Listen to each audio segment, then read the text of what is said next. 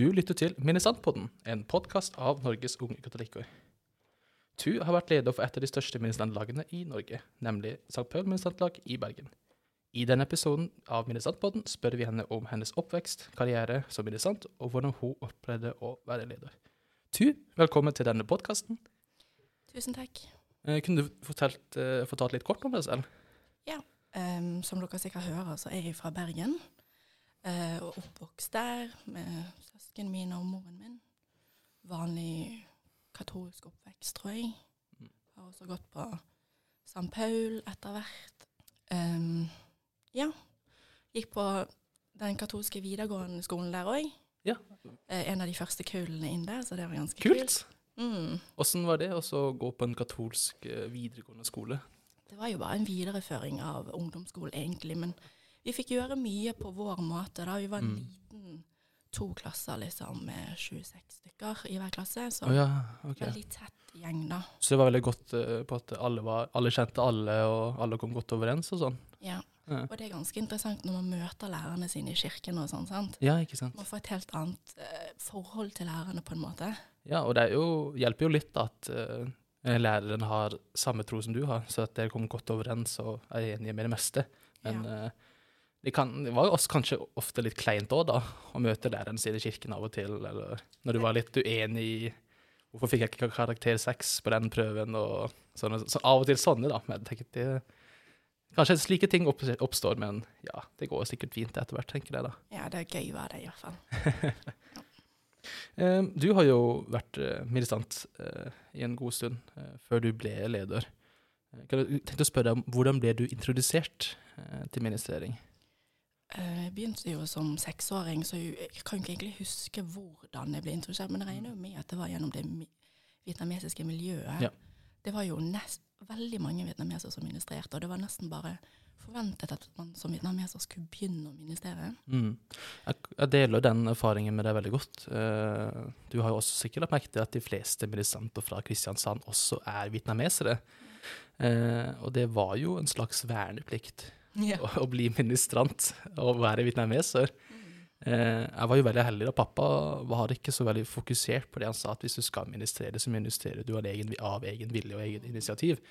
Men eh, det er jo sånn spørsmål hvorvidt hvor gammel man bør være når man eh, skal begynne å ministrere. Men det jeg beundrer veldig da med St. Paul, er jo det at når man starter ganske ung, så er det jo Så ser man jo på at de har en liten glede av det å være ministrant, og det ser jeg veldig ofte når de, i Oslo, når de var i Oslo. Nå er det korona, og det er ikke så mye NM da, da. Mm. Men uh, når de var i Oslo, så var de sånn der eh, det var, De gliste litt av det, og det var sånn, de hadde en slags utstråling når de ministrerte. Så det var jo Man, man, man ser og deler gleden de har, da. Ja, man gjør jo det, men altså Før i tiden så begynte vi mye tidligere. Da fikk vi Mm. begynne liksom nesten når vi ville. Ja. Men nå så er det krav at man skal ha førstekommunion, og det forstår jeg veldig. sant? Mm. Det er da vanskeligere, føler jeg, da, å, å ikke håndtere, men å liksom introdusere religion på en ny måte til, til de da. Mm. Mm. Og så, det blir jo vanskelig da, også når de er så små, at uh, det er ikke alltid det er lett å komme fram Mm. til å formidle på at eh, dette er liksom noe veldig viktig og veldig hellig, Mm. det du holder på med. Uh, og ja, når de er så små Noen barn er jo forskjellige fra andre. Ikke alle er like. Men eh, det er jo en utfordring i seg selv. Men så lurte jeg på Du ble jo interessert som seksåring. Hvor lenge har du faktisk vært minnesant, da? Altså, i 16 år, vil jeg si, og så har jeg sluttet som leder i 2018. 2018, ja. Ja, og så nå har jeg begynt å ministrere litt nå, så jeg er i Oslo. Ja. Bare litt, da. Mm. Men det er jo korona, sånn, så Ja, ikke sant. det.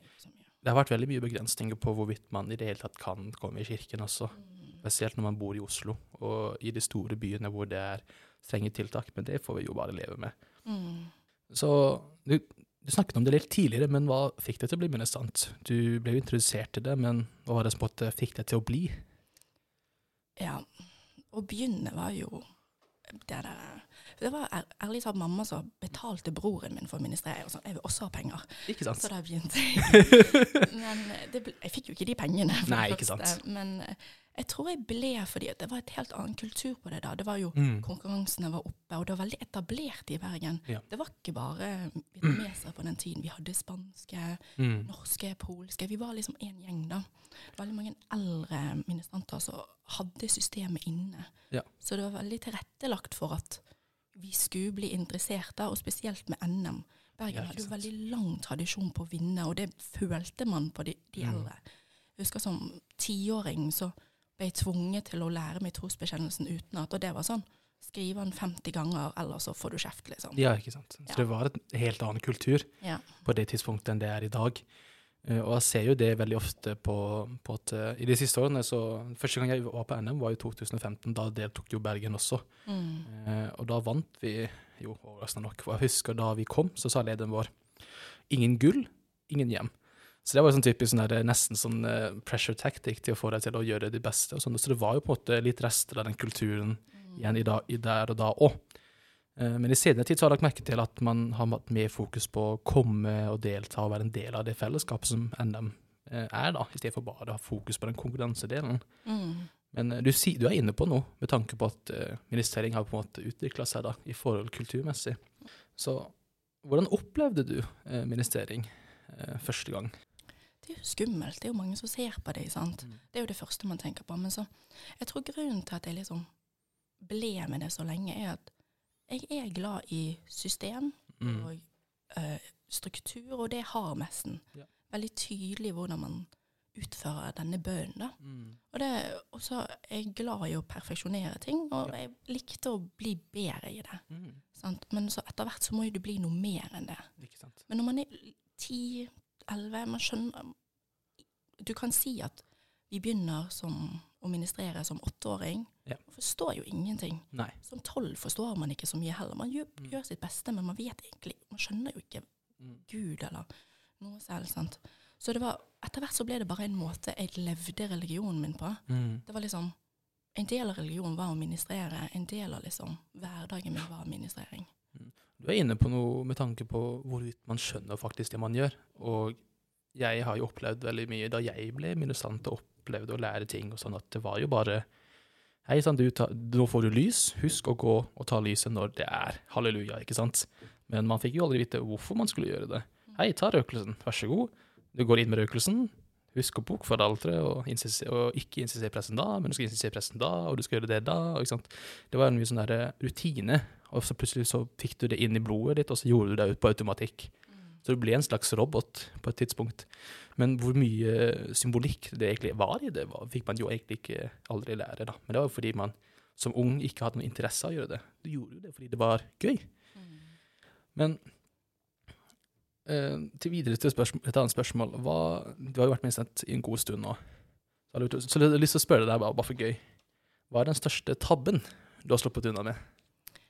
Jeg vet ikke om jeg har gjort så mange tabber, men jeg Nei. husker den ganske godt bare fordi at det er ganske nylig. Mm. Jeg gjorde han som leder, og det er bare teit, sant. Ja. For jeg, som leder så lot jeg også de yngre og ø, ministrantene dele oppgaver bare så de skulle bli kjent med strukturen av messen og, og passe på. Og da lot jeg meg selv også være en av de de valgte, og hvis de vil gi meg en oppgave, så får de lov til det. For, Mm. for til syvende og sist så er jeg jo også ministrant, og jeg vil jo også tjene, sant. Mm. Uh, og da fikk jeg bjellen, og så er jeg så opptatt av at eh, de andre ministrantene skal gjøre alt rett, at jeg selv glemmer å ringe bjellen. Det Ja. er jo så flaut. Nei. Jeg skal dele min egen uh, litt sånn tabbe. Det var jo eh, Man skal jo man, man har jo hørt at prester ikke skal feire messen flere enn to ganger daglig, eller noe sånt. Fordi man skal på en feire messen verdig og ikke være litt slack eh, på den siste. Men så skal jeg ha administrert i to messer før, og så var dette min tredje messe, og forhåpentligvis siste messe på eh, den dagen. Og da man skulle lekke av, da, eller andre del, som man sier andre i Norge, så fikk jeg jo tilbake kalken. Og hva skjer da? Jeg mister den i bakken. Ja. Eh, Så heldigvis så hadde han jo purifisert og alt, og at den ikke, ikke liksom, hadde ikke Kristi, Kristi blod i den, men så mista de bakken, da, og så hører jeg at det ble helt stille i kirken. Og alle bare ser på meg. Så jeg det har aldri beveget meg så kjapt før, med å bare feie opp alt fra gulvet, og så bare legge det tilbake på bordet igjen og sette meg ned. Og så, nei, det var eh, veldig kleint i det øyeblikket, men det var ingen som nevnte det etterpå. Fordi jeg tror de fleste bare satte pris på at jeg faktisk ministrerte i det hele tatt. Og det er egentlig det man burde fokusere mest på, at du faktisk eh, gjør det. istedenfor hvorvidt hun gjør noen feil eller ikke. Men, eh, men eh, ja, sånn er det. Har du hatt, noen gang hatt en rar eh, opplevelse når du har vært eh, ministrant? Um, ikke i ministreringen selv. Nei. Tabbene som skjer, er jo bare en del av det, på en måte, så det er ikke Mm. så rart. Men jeg husker jeg var på Meny en gang, og så skulle jeg, jeg skulle handle rett før en messe på en hverdag, da, fordi Mm. det var en høymesse den dagen. Så var det en som kom bort til meg og sånn Skal ikke du være i kirken? Jeg har ikke peiling på hvem han er. Jeg sånn, jo, jeg er på vei. Sånn, ja, du må jo være der og ministrere. Sånn, ja. Ja, men Det er jo fantastisk. Og det er noe med det å være ministrant. da. Du er veldig synlig. Og du, folk begynner å kjenne deg igjen. Jeg husker Da jeg først begynte, så var jeg på et veldig skeptisk. og, og sånn, og så Før jeg begynte, så var jo bare den den gjennomsnittlige vietnamesiske barnet som gikk i messen med mamma og pappa, og så sto stille og med henne ordentlig og alt det der. Og så, men når man først begynte å ministrere, så begynner folk å legge merke til det, og folk begynner å huske det, selv når de ikke er i kirken, akkurat som du beskriver. Sånn der, men, men det er jo messe nå, hvorfor, hvorfor er du her, liksom? Jeg tenker, nei, det er ikke min tur. Så er det sånn, typisk sånne ting, da. Eh, men det er, jo, det er jo fantastisk, da. Å være med, sant? Og den oppmerksomheten kan man jo leve med. Det er ikke sånn at du blir superkjendis, men folk begynner å kjenne deg igjen og sånn. ja. Men hva er ditt perspektiv på ministrering? Jeg har jo kanskje sagt det, men det er jo en måte å praktisere religion på. Jeg tror det er veldig På mange måter lett måte å praktisere religion på, men det forhindrer en del òg, tror jeg. For Mm. sånn som vi sa, sånn, så blir jo man kanskje Man kan bli litt sånn robotaktig. Ja. Og for eksempel når du sitter i messen, sant, og så har du fått kommunion, og så sitter alle og ber, sant. Mm. Men hvis du som ministrant har en oppgave senere, eller Ja. du som leder må passe på at neste person liksom er klar, så vet jeg liksom Jeg personlig var ikke så flink til å på en måte ta meg ti sekunder til å be, liksom. Ja. Sånn, så nå som jeg på en måte har sluttet litt med ministrering, så ser jeg også begrensningene det har, og at jeg liksom Jeg må reinventere meg selv i kirken. Jeg må liksom finne ut av hvordan jeg personlig kan ha en rolle, eller at kirken kan være en del av mitt liv uten at jeg ministrerer. Ja. Syns det er veldig, veldig vanskelig. Så, men det, hvis du er heldig og kan ministrere en lang tid, så er det en av de fineste måtene å praktisere religion på. at Du er en direkte del av den største bønnen vi har, liksom. Ja. Og så messen er jo veldig viktig, som du sier, og at det å ministrere, at du er en del av noe mye større enn deg selv. Men du er veldig mye inne på noe her når du sier at det å ministrere kan også være en distraksjon. Med tanke på at når du har en oppgave og du har mye ansvar, så er det ikke alltid du får tid til å være litt stille og be for deg selv. Fordi du er så fokusert på å gjøre noe annet og passe på at messen faktisk går sin gang, og at ikke alt bare stopper opp. Eh, Og det, det er veldig inne på noe. Og man burde av og til tenke på at uh, ministrering er jo på en fin måte i seg selv, men hvis, det, eh, hvis du gjør det hele tiden, så må du ikke alltid glemme da, å be. Det er jo veldig viktig, det viktigste er jo på en måte å be også. Eh, men tror du det å min ha vært ministrant eh, har gitt deg noe god livserfaring, eller bidratt til noe positivt i seg selv? Tror det er en veldig stor del av meg. Så måten jeg bærer meg selv på ut, og måten jeg ser på verden Gjennom det så har jeg fått et livsperspektiv, eller en måte å gå på. Eller jeg vet, jeg vet ikke, men jeg tror, jeg tror man på en måte kan se det på alle som Mm. har vært en del av det. da. Um, jeg har liksom ikke noe spesifikt. Som ministrant så tror jeg kanskje har begynt å se mer på systemer, Mm. eller liksom en prosess. Men det er jo det å oppleve religion på denne måten som er en del av meg, da. Og jeg er helt enig med deg også å tenke på i, sånn, i, retrospekt og i tilbake i tid. Altså, jeg hadde nok ikke vært den personen jeg har vært i dag hvis jeg ikke hadde vært ministrant. Vært veldig glad i å perfeksjonere ting, veldig glad i litt sånn disiplin, og at ting skal være ordentlig på stell, som man skal, man skal være i en messe. Så jeg er helt enig med deg i det du sier, at eh, det er vanskelig å forestille seg seg selv som person når man har vært ministrant så lenge. Så går vi til neste spørsmål, og det er jo hvordan ble du leder i St. Paul? Ministrantlag. Ministrantlag. Det var ikke sånn stor greie på det. Jeg var um, 16, og så var det han presten som da var der. Han Mm. mm. syntes at jeg var flink, og så ble jeg valgt. Har alltid vært en ganske bestemt og kontrollerende person, rett og slett. Ja, ja. Så jeg har jo kanskje mm, det man typisk ville sett til til en som skal lede en gjeng, da, på en måte. Men eh, jeg har jo Når jeg var 16, så tror jeg jeg, var en ganske OK ministrant. Jeg var ikke Kunne det meste av det praktiske, da. Sant? Men også er jo det Etter hvert så innser man også at man har jo null teologi til å Ja. lære bort til ungene. Sant? Det er jo vanskelig. Mm. Men jeg, jeg ble rett og slett bare valgt. Ja, Men åssen åssen følte du det? da? Var det på at eh, da du ble spurt vil du være leder i ministrantlaget, var det sånn der eh, Vil jeg egentlig dette her, eller jeg har lyst til å gjøre dette her, eller var det litt sånn greit, jeg kan, jeg, kan gjøre det?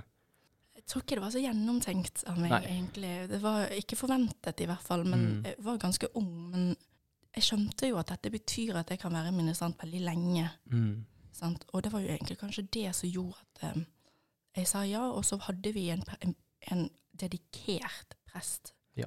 Han, han var vår og ministrantlaget også veldig tydelig i St. Paul kirke, et av de største ungdomsarbeidene, så prestene har alltid prioritert oss på den måten. Veldig heldig til det, så vi hadde liksom han som ressurs da, og det var liksom ikke Han var ganske kontrollerende, så i begynnelsen så ble jo det sånn at eh, jeg styrte ikke så mye, altså Nei. i begynnelsen. Men jeg var også ung, så det var på en måte greit. Men når han forsvant fra kirken Ja. vår, så ble det ganske hardt, da. Da ble det ganske mye. Mm. Mm. Og, og som 16-åring så er det jo veldig mye ansvar du får, da. eh, Selv om man ikke er veldig bevisst på det. Men eh, jeg går jo ut ifra at det, det gikk jo fint etter hvert, da. Ettersom du kom inn i rytmen. Det tok lang tid. Men ja, Ja. Så hvordan hadde det vært, da? Å være leder for Remislandslaget? Hvor, lenge- hvor lenge var du leder igjen? jeg tror jeg var leder i seks år. Seks år? Noe sånt. De første tre årene var Det er da man finner ut av ting. sant? Ja. Og som ung leder så var jeg veldig bestemt på at måten jeg er på, måten jeg har lyst til å lære dette videre på og videreføre det, det er veien. Mm. Men ganske tydelig så ser man at det ikke går. Sant? Man, Ja. man vokser litt på det. Mm. Men i Bergen så gjorde vi noe ganske smart, og vi fikk to ledere. Jeg vet ikke om du vet det, men vi var faktisk to likestilte ledere. Oi, det visste jeg faktisk ikke. Med OI. Ja. Ja. Og det som skjedde da, var jo at vi veldig tydelig fikk våre roller, og det ble mye lettere. Ja. Sant? Det kommer jo litt an på hvilken type ministerantlag du har lyst til å ha. Men vi hadde jo lyst på et godt fungerende ministrantlag i liturgien. Mm. Samtidig så vi ville ha et bånd med hverandre som gjør at de vil komme tilbake. sant? ja, ikke Vi har venner i kirken og sånn. Ja. Så da ble jo det mye papirarbeid i forhold til NUK, eksempel. Ja, Å få støtte og sånn, men også å gjøre ting. Mm. Og på den tiden så var jo Patatau hos oss, og Ja. Dere kjenner jo han kanskje? ja, ikke sant. Han er jo den karen. Den altså. karen.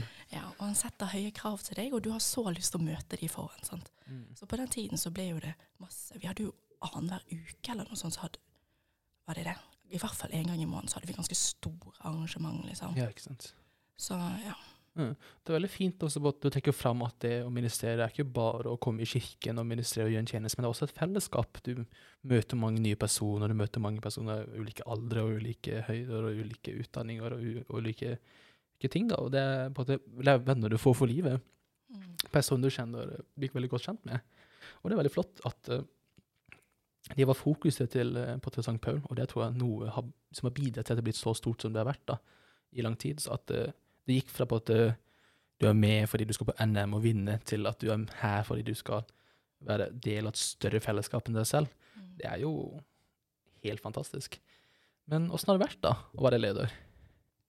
Det har vært noe av det gøyeste jeg har gjort i mitt liv. Altså. Jeg ser tilbake på den tiden, og jeg, jeg savner det veldig. Og St. Paul kom liksom Jeg vet ikke. Det, det er noe med å se disse barna vokse opp i den tråden, og at du på en måte får lov å være en del av, det, av, den, av de som viser de det. Og så å se at de små ministrantene også blir lærere for de andre ministrantene Ja, det er jo fantastisk. Det, det er noe helt annet. Det også at de liksom også begynner å bli interessert, og, bli, og ikke bare spør bare hvordan du gjør den oppgaven, men også men hvorfor gjør vi det, og hva er meningen og sånn. Det, det er så givende Mm. på en sånn Ikke på en måte at det er givende for at jeg gir de, men at jeg føler meg heldig som får lov til å gjøre dette. Ja. Så har du noen andre gode minner da, fra det å være leder eller ministrant i St. Paul? Et av de aller, aller beste minnene som ministrant var påsken 2018, rett før jeg sluttet. Ja. Da hadde vi liksom bestemt de nye lederne, Mm. og så hadde vi delt oss til de tre store dagene. Så hadde vi delt oss inn i sånn tre teams, Mm. hvor alle sammen fikk lov til å liksom ansvar for én messe og, og sånn. Ja. Og så hadde vi også vietnamesisk messe, sånn, så de ble jo automatisk generalprøver, fordi at de elsker Ja. ministrantene er også vietnamesisk. Okay. sant? sant. Men påskenatten så var det meg og en annen i Bergen, Mm. Silje, som hadde ansvar. Ja. Og da gikk det liksom Vi hadde ikke Vi hadde liksom øvd skikkelig godt til alle messene. Mm. Og vi hadde bestemt mange av oppgavene, men det var noen vi ikke hadde satt helt på plass. Men Ja. alt var gjort til perfeksjon. Jeg, jeg kan ikke se for meg hvordan det kunne gått bedre. Mm. Med en gang vi kom inn etter den messen, så sto meg og Patata og hoppet av glede. Det var så utrolig gøy Mm. å få noe til perfekt på den måten. Kudos til deg, da, du og Patetau og The Gang. Men uh, videre til på da, hvilke egenskaper tror du en leder bør ha? Uh, du har jo vært leder i seks år, og du beskrev dine tre første som veldig utfordrende, for du måtte måte finne ting ut av ting selv. Og etter hvert som du var leder i en periode, så innså du da at dette er noe jeg burde fokusere på, osv. Men hva tenker du er egenskaper en leder bør ha da, når eh, man er leder av et minnesstandlag? Um, igjen så kommer det litt an på hvilken type minnestanslag du vil ha. Men Mm. hvis du har lyst på et velfungerende som på en måte er sosialt òg, så må du være organisert. Ja. Eh, det er liksom egentlig en av de eneste egenskapene du må ha. Og så må du kanskje være litt flink til å få folk til å høre på deg. da. Du må ha en, en form for autoritet i din væren, og så må du også være villig til å lære. Ja. Man, man er ingen, jeg, tror, jeg tror det er veldig få som er egnet til å være ministrantleder bare pga. hvor stort område er det vi dekker i forhold til, til teologi. da. Vi Ja. kan ikke så mye. Mm. Sant? Og vi, går jo på, vi har jo gått på katekese, og så, men det er jo ikke Nei. Du må ha utdanning hvis du skal kunne alt. liksom. Ja, ikke sant. Så man er villig til å lære, sant? og så vite at man ikke, man ikke kan alt. Og så tror jeg, ja, organisert også struktur. Og så det med logistikk, som du sier. sant? Mm. Hvordan ministrantene beveger seg i rommet. Det Ja, er ikke viktig sant. for selve ministreringen. estetikken og det hele, og at man må passe på at uh, alle, må, alle må gjøre alt det og det og det, og det er jo en stor oppgave i seg selv, å ha oversikten også. Og det er ikke alltid, det er vanskelig å være såpass kunnskapsrik som du sier, at vi er jo ikke utdanna teologer, og vi er ikke utdanna liturgihistorikere, så vi vet ikke absolutt alt, men så langt man er villig til å lære det, så går jo det opp i seg selv. Men hvilke erfaringer tar du med deg videre? Det er jo, jeg har i hvert fall lært meg litt bedre hvordan jeg skal samarbeide med andre, og så hvordan jeg liksom jeg, jeg på en måte legger meg i forhold til andre, at jeg må gi meg, og at jeg Mm. må høre på andre. Ja. Eh, Det er noe som jeg kanskje har slitt litt med personligheten min, men man lærer det ganske raskt da, når man skal forholde seg til 30 minusanter og alle foreldrene deres. Ja. Uh, Så det tar jeg med meg. Og så det at måten jeg er på, passer ikke alle. Nei. Så på, som, som ministrantleder så tror jeg man må prø- Man vil jo gjerne ha mange ministranter, sant. Ja. Så da må man prøve å appellere til flere mennesker. Og det er ikke alltid at Mm. måten du fremstiller deg på, alltid vil være den måten som funker for alle. Ja, ikke sant. Ja, så det har jeg begynt å, å være litt obs på, da. Ja, ikke sant. Ja, og du sier noe der, altså i Da jeg var leder i St. Hans Kristiansand, så var det veldig mye fokus på at å, du er leder fordi du kan mye om liturgien, og at du vet når, kirken, når det skjer og sånn. Men jeg var jo bare der fordi jeg kunne mye, følte jeg da. Jeg var bare der fordi jeg visste hva som skjedde i liturgien, og hvorfor det skjedde, og, og sånne ting. Jeg var jo virkelig ikke der fordi at eh, jeg nødvendigvis var en god leder. Jeg var bare Mm. der fordi jeg hadde den kompetansen på det tidspunktet. Men etter hvert da, så begynte jeg å skjønne at uh, det er mer uh, enn det. At jeg bare er der fordi at jeg er der. Det er fordi skal, noen av de ser opp til meg, Mm. og at de faktisk har prøver å bli litt mer som meg da. også. selvfølgelig Mm. Uh, bli en bedre versjon da, av meg selv. Men jeg ser jo mye på det du sier nå, at det er at ikke alle er veldig enige om hvordan jeg gjør ting, og ikke at alle er så veldig glad i hvordan jeg fremstiller meg og Mm. viser meg som menneske. Men det har jo på at lært meg litt å søke og bare tenke ja, sånn er det bare. Men utgangspunktet for å være ministrantleder er å kunne ministrere. Altså. Ja, det, er det. viktigste. Det er det viktigste. Ja. Du kan ikke bare komme inn ut av det blå og si at, eh, at du kan bli leder. Det er ikke så veldig lurt. Men har du noen tips eller erfaringer du har lyst til å dele sammen med, med ministranter, som enten har lyst til å begynne, eller som holder på? Ja, jeg vet jo at det er veldig kjedelig som ny ministrant å komme inn og bare sitte der. Sant? Man, blir, Mm. man blir fortalt at man skal gå, og så sitte og stå når alle andre gjør det. Men jeg har lyst til å si til ministranten at jeg alltid har synes at det er en av de beste oppgavene som ministrant. For hvis du har lyst til å lære deg å ministrere, så må du observere. Ja.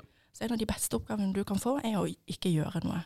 Hvis du har lyst til å lære deg å ta røkelse, se på den som tar røkelse. Mm. Følg med hvordan de beveger seg, og så lærer du det bare ved å se. Og så skal du etter hvert få lov til å prøve selv, og da blir du selvfølgelig enda bedre. Ja. Men hvis du har lyst til å lære deg noe, så er det bare til å se på de andre. sant? Mm. Eh, Det vil jeg gjerne at ministranten skal huske. Og så ut ifra sånn som jeg har opplevd ministrering, så ser jo jeg en type glede og engasjement som du, se, du sier at du ser hos Mm. barna mine, som jeg liker å kalle dem. Ja, Um, det skal du få lov til å kalle det. Ja, ja sant? Og jeg håper jo at de fremdeles Jeg har ikke vært der og sett dem, Ja. sant? men jeg håper at de alltid kan ta med seg den, og at også kommende ministranter også kan få føle på den gleden. Og at de også kan ta det med seg videre, også når de ikke er minnesanter. Det er det jeg håper. Tu, tusen takk for at du var villig til å komme og dele dine erfaringer med, med meg. Så håper jeg at du får en hjertelig fin dag videre. Tusen takk.